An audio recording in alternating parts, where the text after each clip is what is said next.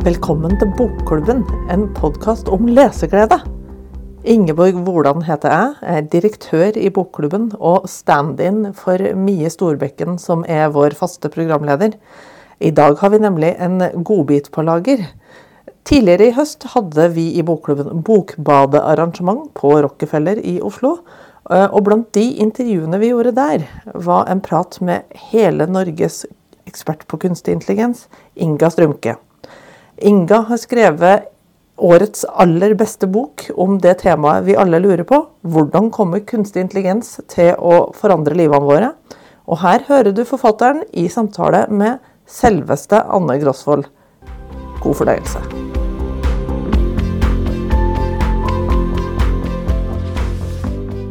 Det bekymrer meg jo litt den denne den holdninga som jeg ofte møter blant folk, der de sier at det her tror jeg ikke jeg klarer å skjønne. Eller det her virker skummelt, og jeg, jeg, tror, jeg, jeg tror, ikke jeg er smart nok. Altså, da får jeg virkelig vondt i meg. For Det ene er at det matcher dårlig med menneskesynet mitt. For meg så finnes det ikke noe sånn smart nok for å forstå. Det her kan alle forstå. Og det andre er jo at det her er en teknologi som ligger an til å virkelig endre samfunnet vårt nå bestemmer vi hvilken retning det her skal gå i. Og vi lever i et demokrati. Så hvis folk sier det her tror jeg ikke at jeg kan skjønne, så, vi, så har vi en dårlig start. Ja. Og jeg var nok av de som tenkte det lite grann. Og derfor, det er veldig lenge siden jeg har vært redd for å gjøre et intervju. Jeg har gjort en del sånne intervjuer i løpet av årene. Og det er lenge siden jeg var nervøs.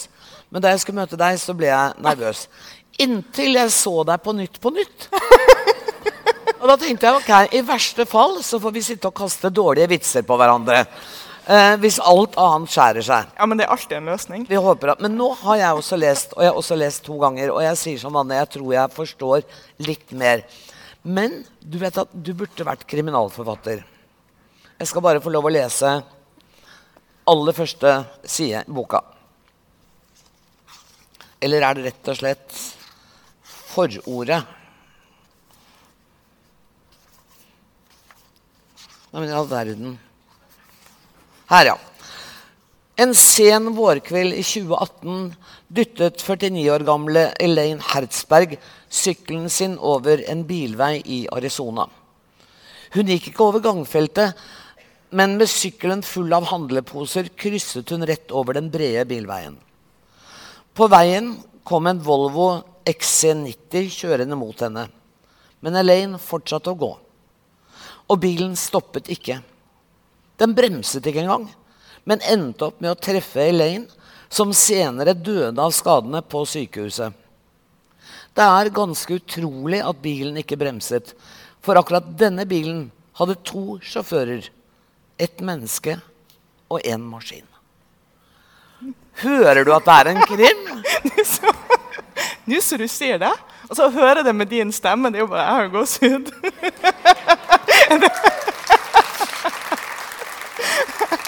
ja. Og der er vi midt inne i det som denne boka handler om. F.eks. hvem har ansvaret? For eksempel, hvem har ansvaret?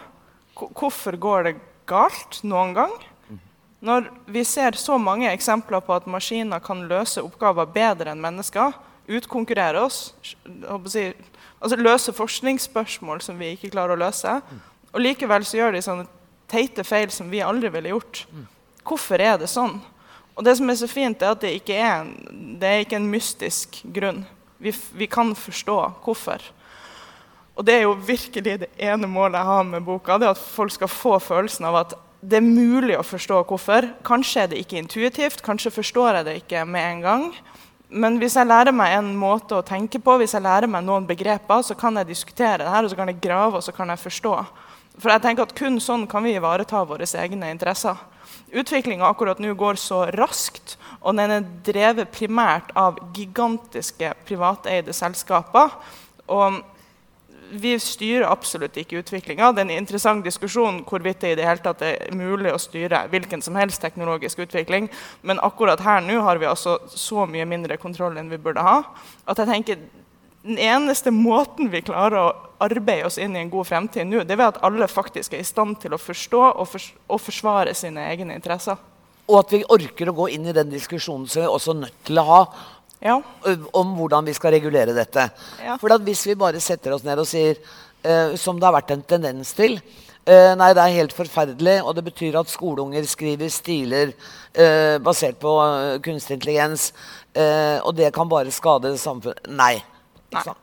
Og det er det den, den boka gir oss faktisk et håp, hvis vi gidder å lære oss de utfordringene vi står overfor.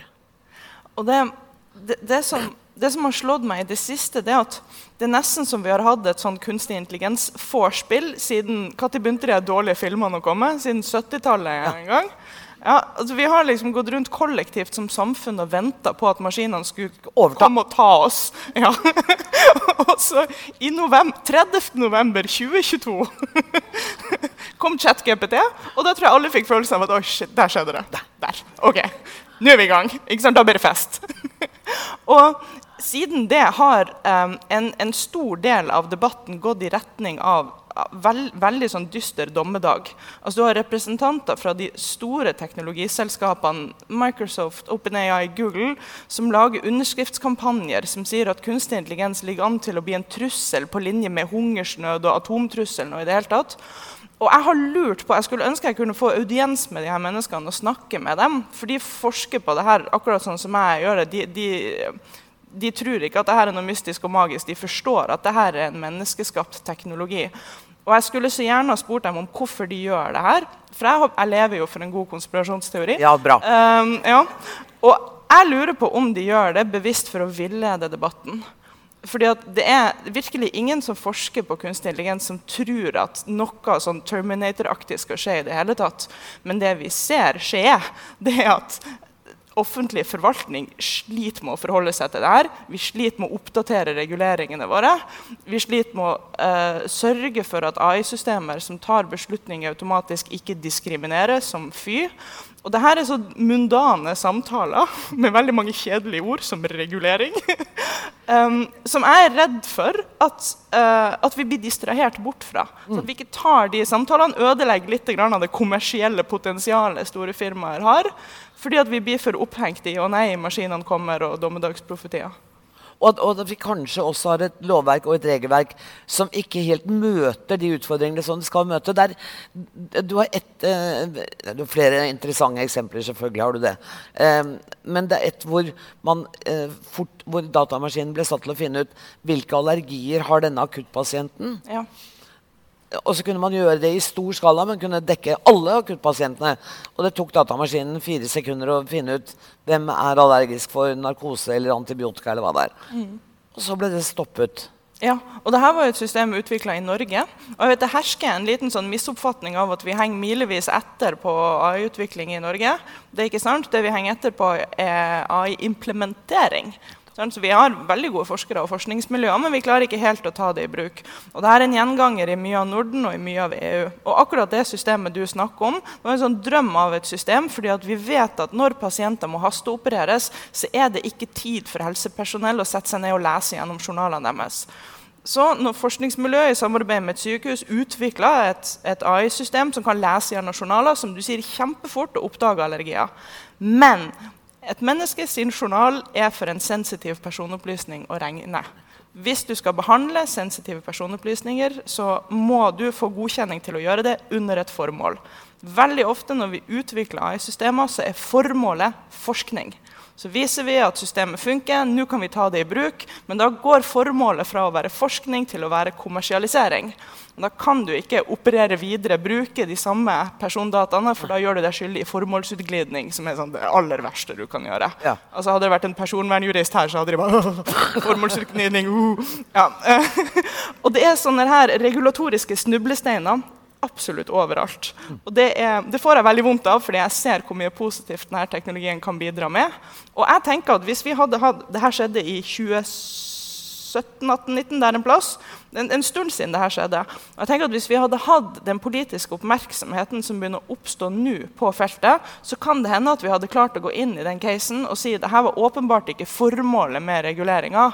Det er klart vi vil ha AI-systemer som redder liv. Hva skal vi gjøre? Hvordan skal vi få det her til å funke?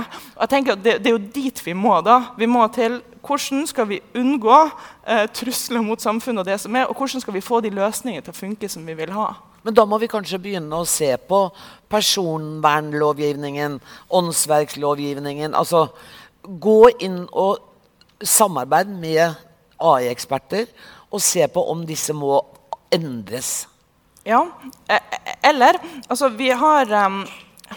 altså, i, I USA så fungerer juss på en helt annen måte for enn i Norge. I USA har de nærmest en liste over hva som er lov og hva som ikke er lov. Sånn som vi skriver lovverk i, i Norden og i Norge og i EU, så er det mer sånn intensjonsbasert. Vi skriver det her er intensjonen, og så skriver vi litt vage lovverk, og så må det tolkes i sin nye situasjon, sin nye kontekst. Så vi har egentlig en anledning til å gå inn og tolke liksom, uten å eh, måtte liksom skrive om Grunnloven. eller noen ting. Men det er likevel da, et arbeid som må gjøres, og det haster litt med å gjøre det arbeidet. Og jeg tenker vi, Akkurat her har vi litt sånn manglende kriseforståelse på hvor travelt vi har det. Ja, For vi tror at vi kan vente bitte litt grann til å se litt hvordan det går. Ja, og så er jo juridiske prosesser tar lang tid. Ja. Altså, vi har jo reguleringer for å, for å sikre stabilitet og at samfunnet skal gå i en forutsigbar retning. Men akkurat nå er det jo pokker en ny AI-oppfinnelse tre ganger i året. Ja. Eh, og, og jeg er litt redd for at vi bare skal liksom spurte i en eller annen tilfeldig retning som teknologiutviklinga og kommersielle interesser drar oss. Og så springer samfunnet etter og litt sånn, Nei, det var kanskje ikke det vi ville. Men sånn ble det. Men sånn ble det, ja. Ja. Og, det og det har vi ikke råd til. Nei, jeg synes Vi har ikke ikke råd til å sitte igjen og si da ble det sånn, da. Men, men du, det du ville med den boka, var jo bl.a. å få opp samfunnsdebatten og det politiske engasjementet. Og vet du hva? Det har du jaggu klart, altså.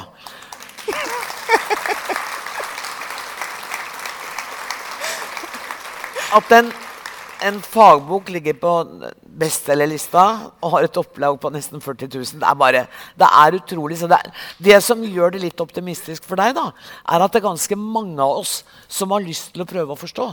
Ja, vet du hva? Jeg har en masterstudent som sa noen ting til meg. Han sa at hans besteforeldre på 80 år har et overraskende reflektert forhold til AI-regulering. Jeg tar gjerne denne applausen på vegne av 80-åringene. jo, jo. Men du, så skriver du um, Kunstig intelligens er et fagfelt innen datavitenskap med formålet å utvikle maskiner som evner å oppføre seg intelligent. Og boka di heter 'Maskiner som tenker'. Ja. De gjør jo ikke det. De blir bare lært opp til å virke som om de er intelligente. Jeg vet ikke hva den tittelen der, altså. Oh, ja. Nei, og jeg mente ikke det. Nei da, jeg har fått masse tynn for den. Har du det? Uh, ja, ja, ja. Det starta på boklanseringa. Det var en filosof som skulle bokbade meg. Han hata jo tittelen. Nei, gud, unnskyld. jo, jo, nei, nei, det går så fint. Jeg tåler litt kritikk. Ja, tenking. Vi har jo faktisk ikke en god definisjon av det. Nei. Og jeg unngår jo elegant hele diskusjonen gjennom hele boka. ikke sant? For jeg har jo bare lyst jeg, jeg har jo litt ned der dere skjønner hva jeg mener. Uh, la, Ja, oss, det skriver la oss komme til poenget. Dere har, leseren har selv en bevissthet om hva som er å tenke. Vi lener oss Ja, på den. Let's go! Ja. ja. uh, litt den, da. Ja, jeg har høye ambisjoner på vegne av leseren. Det har, Ja, jeg, hørt, uh, det har det har jeg hørt før. Men tenker jeg, det skal man ha. Ha litt respekt for uh, mottakeren. Ja. Uh, ja. Og så er det det som er deilig, fordi at altså med de 80-åringene som har stor forståelse, så føler ikke jeg meg helt på linje med dem. Men det er, det er noen begreper som vi har vært nødt til å venne oss til, som er en del av dagliglivet. F.eks. algoritmer. Ja. Eh, jeg har bare tenkt at det er noe de driver med på sosiale medier når jeg er inne på datamaskinen min. Og så forklarer du meg at jeg holder på med algoritmer i mitt private liv hver eneste dag. ja. Hver gang du gir et sett med instruksjoner til noen, så gir du noen en algoritme. Hører du, Truls? Mannen min sitter der nede. Når jeg gir deg et, jeg gir deg et sett med instruksjoner, så er det en algoritme. bare sånn at det er klart. Ja, det gjør du lurt i å følge. Ja. Men, men og, og hva, hvorfor blir Det kan du se på sosiale medier. Folk skriver jeg er forbanna på de algoritmene. Nå får jeg bare den og den type greier på Facebook. Eller nå så er jeg bare sånn og sånn. Hva er det de algoritmene gjør annerledes enn jeg når jeg instruerer mannen min om å kjøpe melk? Ja. Det at vi kaller alt mulig rart nå for tida som vi ikke liker, algoritmer, det tenker jeg er et eksempel på en upresis og misvisende begrepsbruk. Og jeg vet ikke hvor den uh, starta, men jeg vet at upresis begrepsbruk er veldig, et veldig dårlig utgangspunkt for å ha en konstruktiv samtale. Altså det at det kjører algoritmer, det betyr bare at det er en fungerende datamaskin en eller annen plass som gjør ting. Det begrepet forteller ikke meg som fagperson noen ting som helst. Og jeg, har igjen, jeg er jo virkelig i konspillene for tida. Jeg lurer på om Facebook, Meta, Instagram sier no, we use algorithms, fordi det er det aller mest upresise du kan si uten å lyge. Så klart følger datamaskinene deres en eller annen oppskrift, ellers hadde det ikke vært mulig å slå på de datamaskinene. Nei, nei. Men de har ikke lyst til å si vi bruker atferdsbaserte dataanalysemetoder for å gi deg innhold som gjør deg avhengig av plattformen vår. Naturligvis har de ikke lyst til å si det. Mens det er det de gjør. Det er det de gjør. Ja. Og derfor er jeg tilbake på det med at noen begreper må vi lære oss. Ja. Fordi at hvis, du, hvis du spør uh, en eller annen uh, sosial medieplattform hvorfor anbefaler du det innholdet til meg, så kommer du til å få en eller annen forklaring eller kanskje bare en rettferdiggjøring som du ikke kan være kritisk til hvis du ikke vet hva du skal se etter. Nei. Så jeg tenker Idet vi blir i stand til å skjønne hva vi skal se etter, forstå litt av det underliggende, så kan vi ivareta våre egne interesser. Og Hvis absolutt alle kan gjøre det, så tenker jeg at vi kan dytte utviklinga i en god retning. Nettopp. Så økt innsikt gir økt kompetanse, gir økt makt i forhold til det som skjer. Ja, og Marie Curie sa jo det, at hvis du forstår, så trenger du ikke å være redd. Altså, hver gang tenker jeg man er redd, særlig for noe teknologisk, ja. så er medisinen er forståelse. For dette er ikke en naturkraft. Så Det er en teknologi som vi mennesker stadig utvikler og tar i bruk. Og det er noen som bestemmer at man skal ta det i bruk. Det er ingen maskin som bare kommer. Flytt skal jobben din. Det er ikke sånn de gjør det. men, men allikevel så har, så har, denne nye teknologien Du kaller den AI, selv om på norsk heter det KI fordi du er litt stabeisete og vil fortsette å bruke uh, AI. Men den har altså skapt angst blant kunstnere, musikere, forfattere. Uh, det har vært streik i USA uh, blant kunstnerorganisasjonene pga. dette. Norske forfattere begynner å reagere. Ja. Er de totalt uh, talentløse og kunnskapsløse som reagerer på den måten? Nei. Um, fordi at det, det vi innser nå, det er for en stor maktkamp som faktisk pågår. OpenAI det amerikanske selskapet som slapp ChatGPT, de utvikla den eh, språkmodellen den chatboten på akkurat de dataene de hadde lyst til å utvikle den på. Og nå viser det seg at det er massevis av f.eks. norske piratkopierte bøker som er en del av datagrunnlaget som den utvikla på. Og Her blir opphavsretten sterkt utfordra. Dette er nok et gyllent eksempel på det du var inne på eh, tidligere, at våre eksisterende reguleringer bare ikke funker lenger. Og Det er ikke fordi de har blitt ødelagte, men fordi det er en helt ny kontekst. Fordi, ok, Hva er greia med opphavsrett? La oss gå helt tilbake til Bernkonvensjonen. Ja, la oss det. Ja, la oss endelig gjøre det. uh, opphavsrett handler om at du ikke kan ta noen sitt åndsverk og kopiere det eller gjenbruke det. For tradisjonelle uh, datamaskinmetoder eller også tradisjonelle kunstig intelligens-metoder så var det her helt greit. Du kan ikke bare lære en maskin og, og et, altså, Du kan ikke fòre et åndsverk inn i maskinen uten videre, og så bare går den og bruker det videre. Men maskinlæring, som er det som er kult innenfor kunstig intelligens akkurat nå for tida, ligner mye mer på læringsprosessen vi mennesker har. Altså, En hvilken som helst forfatter vil ha lest mange åndsverk i løpet av sitt liv og latt seg inspirere av dem, og sånn utvikla en evne til å formulere seg og skrive sjøl. Maskinlæringsprosessen når maskiner sjøl lærer seg å beherske språk, ligner mye mer på det. ChatGPT inneholder ikke et eneste åndsverk. Men den har lært seg å føre språk basert på en masse åndsverk. Så alt, alt, vi har fra Bernkonvensjonen, big copyright, som er mye større enn big tech, uh, har ingenting å stille opp med her. Vi er nødt til å tolke hele denne loven i en ny kontekst. Og før vi i det hele tatt har fått summa oss og skjønt at vi er nødt til å tolke denne reguleringa på nytt, så er det skjedd en masse overtramp, og Erling Kagge er forbanna! og alle føler seg tråkka på. Ja. Fordi en eller annen teknologigigant tar seg aldeles til rette. Men hvordan skal vi komme i forkant? da? Eller er det mulig? Ja, at, vi, altså vi, må starte med da, å ta inn over oss at her står vi foran noen potensielt store samfunnsomveltninger. Så det er litt den kriseforståelsen jeg var inne på. Og så tenker jeg at vi er nødt til å få i gang en veldig bred og tverrfaglig diskusjon. sånn at altså Jeg som, som AI-forsker jeg så ChatGPT komme fra 2017, for da var det vitenskapelige gjennombruddet. Så fra 2017 til 2022 så gikk vi rundt og litt sånn venta på det. Da hadde vi potensielt hatt fem år til å forberede oss på det her. Men fagmiljøene har ikke hatt sterke insentiver til å snakke sammen, og politikerne har ikke forstått ordene våre. Altså det er det her med den beredskapen vi er nødt til å bygge opp, som vi nå virkelig trenger. Og altså, Veien fra forskningsfronten til samfunnspåvirkning tror jeg aldri har vært så kort før i noe som helst fagfelt. Og det er jo fordi at dette er digitale systemer. Idet det begynner å funke på min laptop, så kan det fungere overalt i absolutt hele verden og påvirke samfunnet fra neste morgen av. Så vi må finne en eller annen måte å jobbe, å jobbe raskere sammen. Men du er ikke totalt pessimist allikevel? Med hensyn til vår mulighet til å påvirke, selv om tida løper litt fort? Nei, det er jeg ikke. Altså, og her, her, er det så mye. Men altså, det ene er jo at sånn grunnleggende sett så lager vi Hver gang vi lager teknologi, så er det for å løse et problem.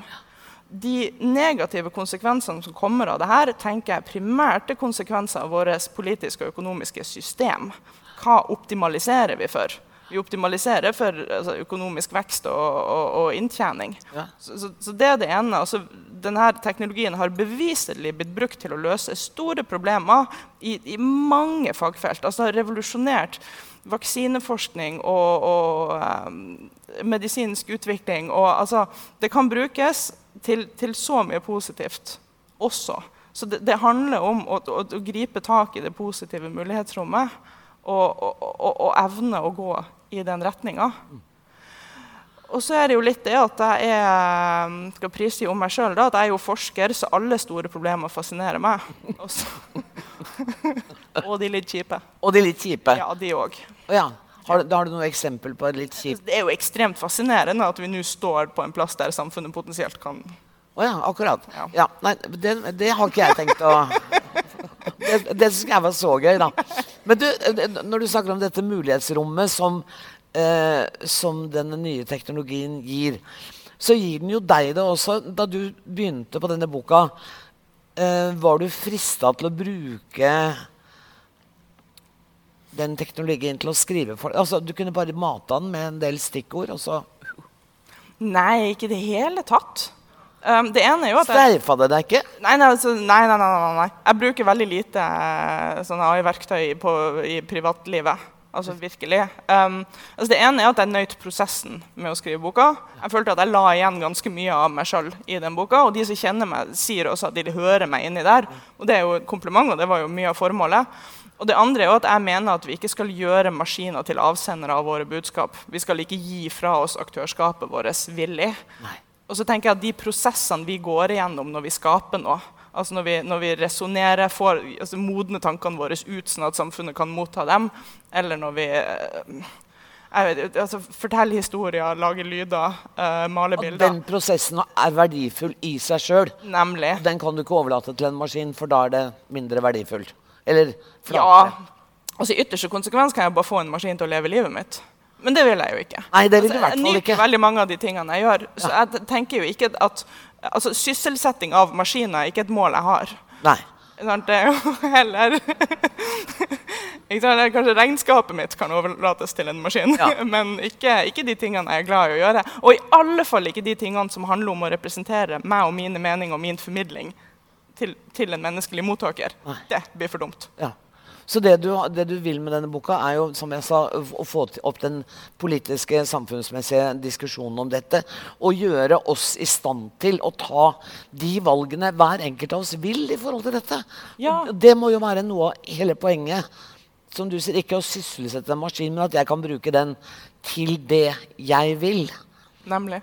Og det interessante her, bare helt til slutt, du skal få lov å slippe unna eh, Hvis vi går tilbake For der, ideen om noe kunstig intelligens er jo ikke, den ble ikke født i 2017. Nei.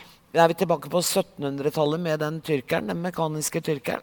Ja, men nå er du inne. Jeg skal svare kort her nå. Kort, Du trenger ikke å svare kort for meg. Jeg skal ja. ingen steder. jeg. Nei, ok, nice. Ja, nei, jeg lurte jo på hvor jeg skulle begynne i starten av boka. Og jeg prøvde virkelig å liksom finne tak i den tråden som var kunstig intelligens, drømmen om kunstig intelligens, og så bare følge den bakover i historien. Og jeg fant noe greier i gresk mytologi også, om en eller annen maskin som oppførte seg som et menneske, og hvor grusomt og fantastisk det var. Men jeg bestemte meg for å starte på 1700-tallet. Men jeg lurer jammen på om vi mennesker har drømt om kunstig intelligens så lenge vi har vært i stand til å drømme. Ja. Vet ikke, for det finnes så mange artige spor bakover, så vi har en eller annen sånn fascinasjon med det. Jeg vet ikke om det er et gudekompleks, eller, eller om det er fordi vi lurer på om, om hjernen kanskje, eller om vi sjøl kanskje bare også er en slags maskin. Nettopp. Jeg vet ikke. Eh, Og at vi leter etter noe som er større enn oss, men som er håndgripelig, kanskje. ja, kanskje det. Jeg vet ikke. Men som fagfelt har, har det jo eksistert siden 1956. Ingen andre fagfelt i verden har en startdato. Sånn som Var, nei, for det var det seminaret den, den sommeren. seminar en sommer. Det er en sånn artig gjenganger i, i AI-historien. da, At setter seg ned sånn ti ambisiøse forskere og tenker her kan umulig være så vanskelig. Nå tar vi en sommer, og så løser vi det her. Og da begynte det fagfeltet. Eh, altså, noen jeg har møtt deg, så må jeg jo si at du skriver jo litt sånn som du snakker. Eh, eh, du sier sånn Nei, men dere, vær med meg på dette resonnementet her. Eller dere Ja, nei, men altså, dere vet også hva intelligens er. Og det er jo det kanskje som gjør at denne boka fanger så godt, for den er ikke retta mot akademia. Den er, jeg føler at den er liksom skrevet for meg. Det er så deilig å høre. Og det, det, skal, jeg- det skal jeg ta med meg. Og husk, det skal jeg skrive ned nå etterpå. Så skal jeg lese det når jeg får sånne sinte e-poster. Fra akademikere. Yes. Jeg var litt upresis. det I know. Jeg må bare si, Du må fortsette oss, for du, du er her som forfatter. Og du har en helt egen forfatterstemme som jeg håper du aldri blir pressa til å gi opp. For den er helt enestående. Og tusen takk for den kunnskapen du har delt. Tusen takk. Ja, takk. Ja. takk.